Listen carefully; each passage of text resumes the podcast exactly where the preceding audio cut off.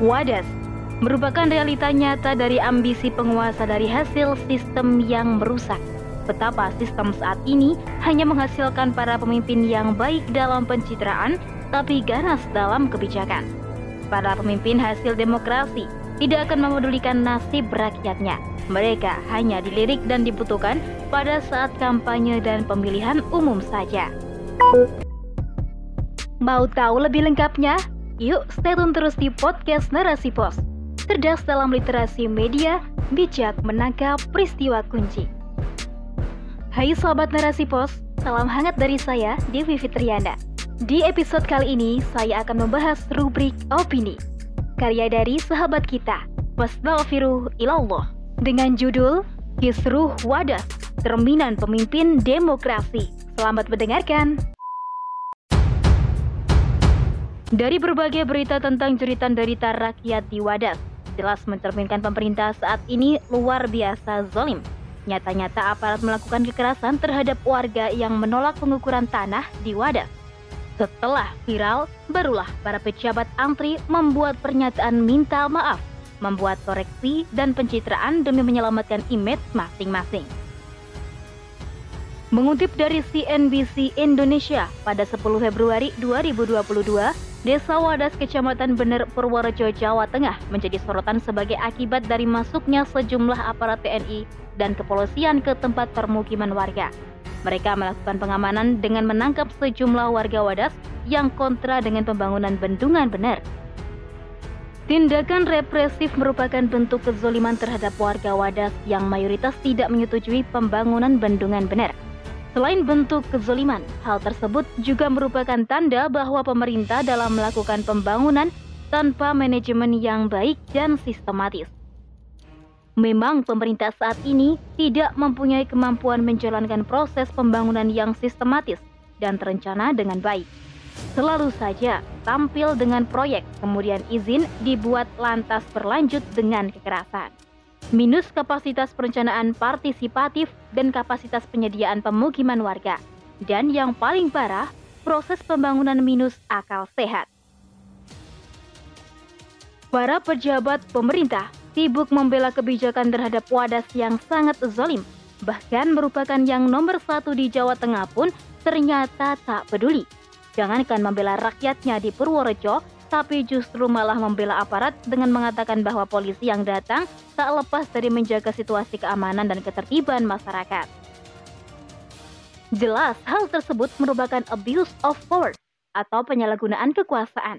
Aparat penegak hukum yang semestinya mengayomi dan melindungi rakyat telah disalahgunakan untuk meneror rakyat.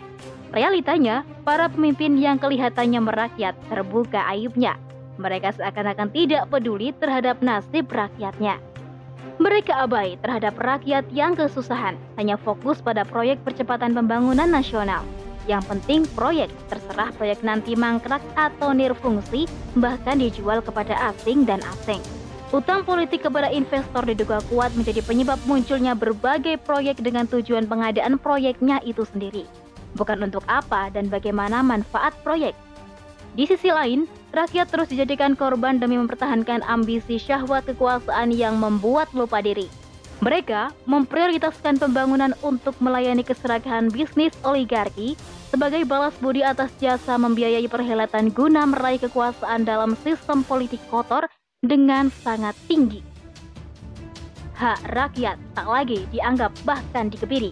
Alam negeri dieksploitasi oleh sistem demokrasi, sistem yang pada kenyataannya luar biasa merusak kehidupan secara hakiki.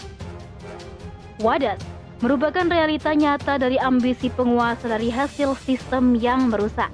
Betapa sistem saat ini hanya menghasilkan para pemimpin yang baik dalam pencitraan saja, tapi ganas dalam kebijakan.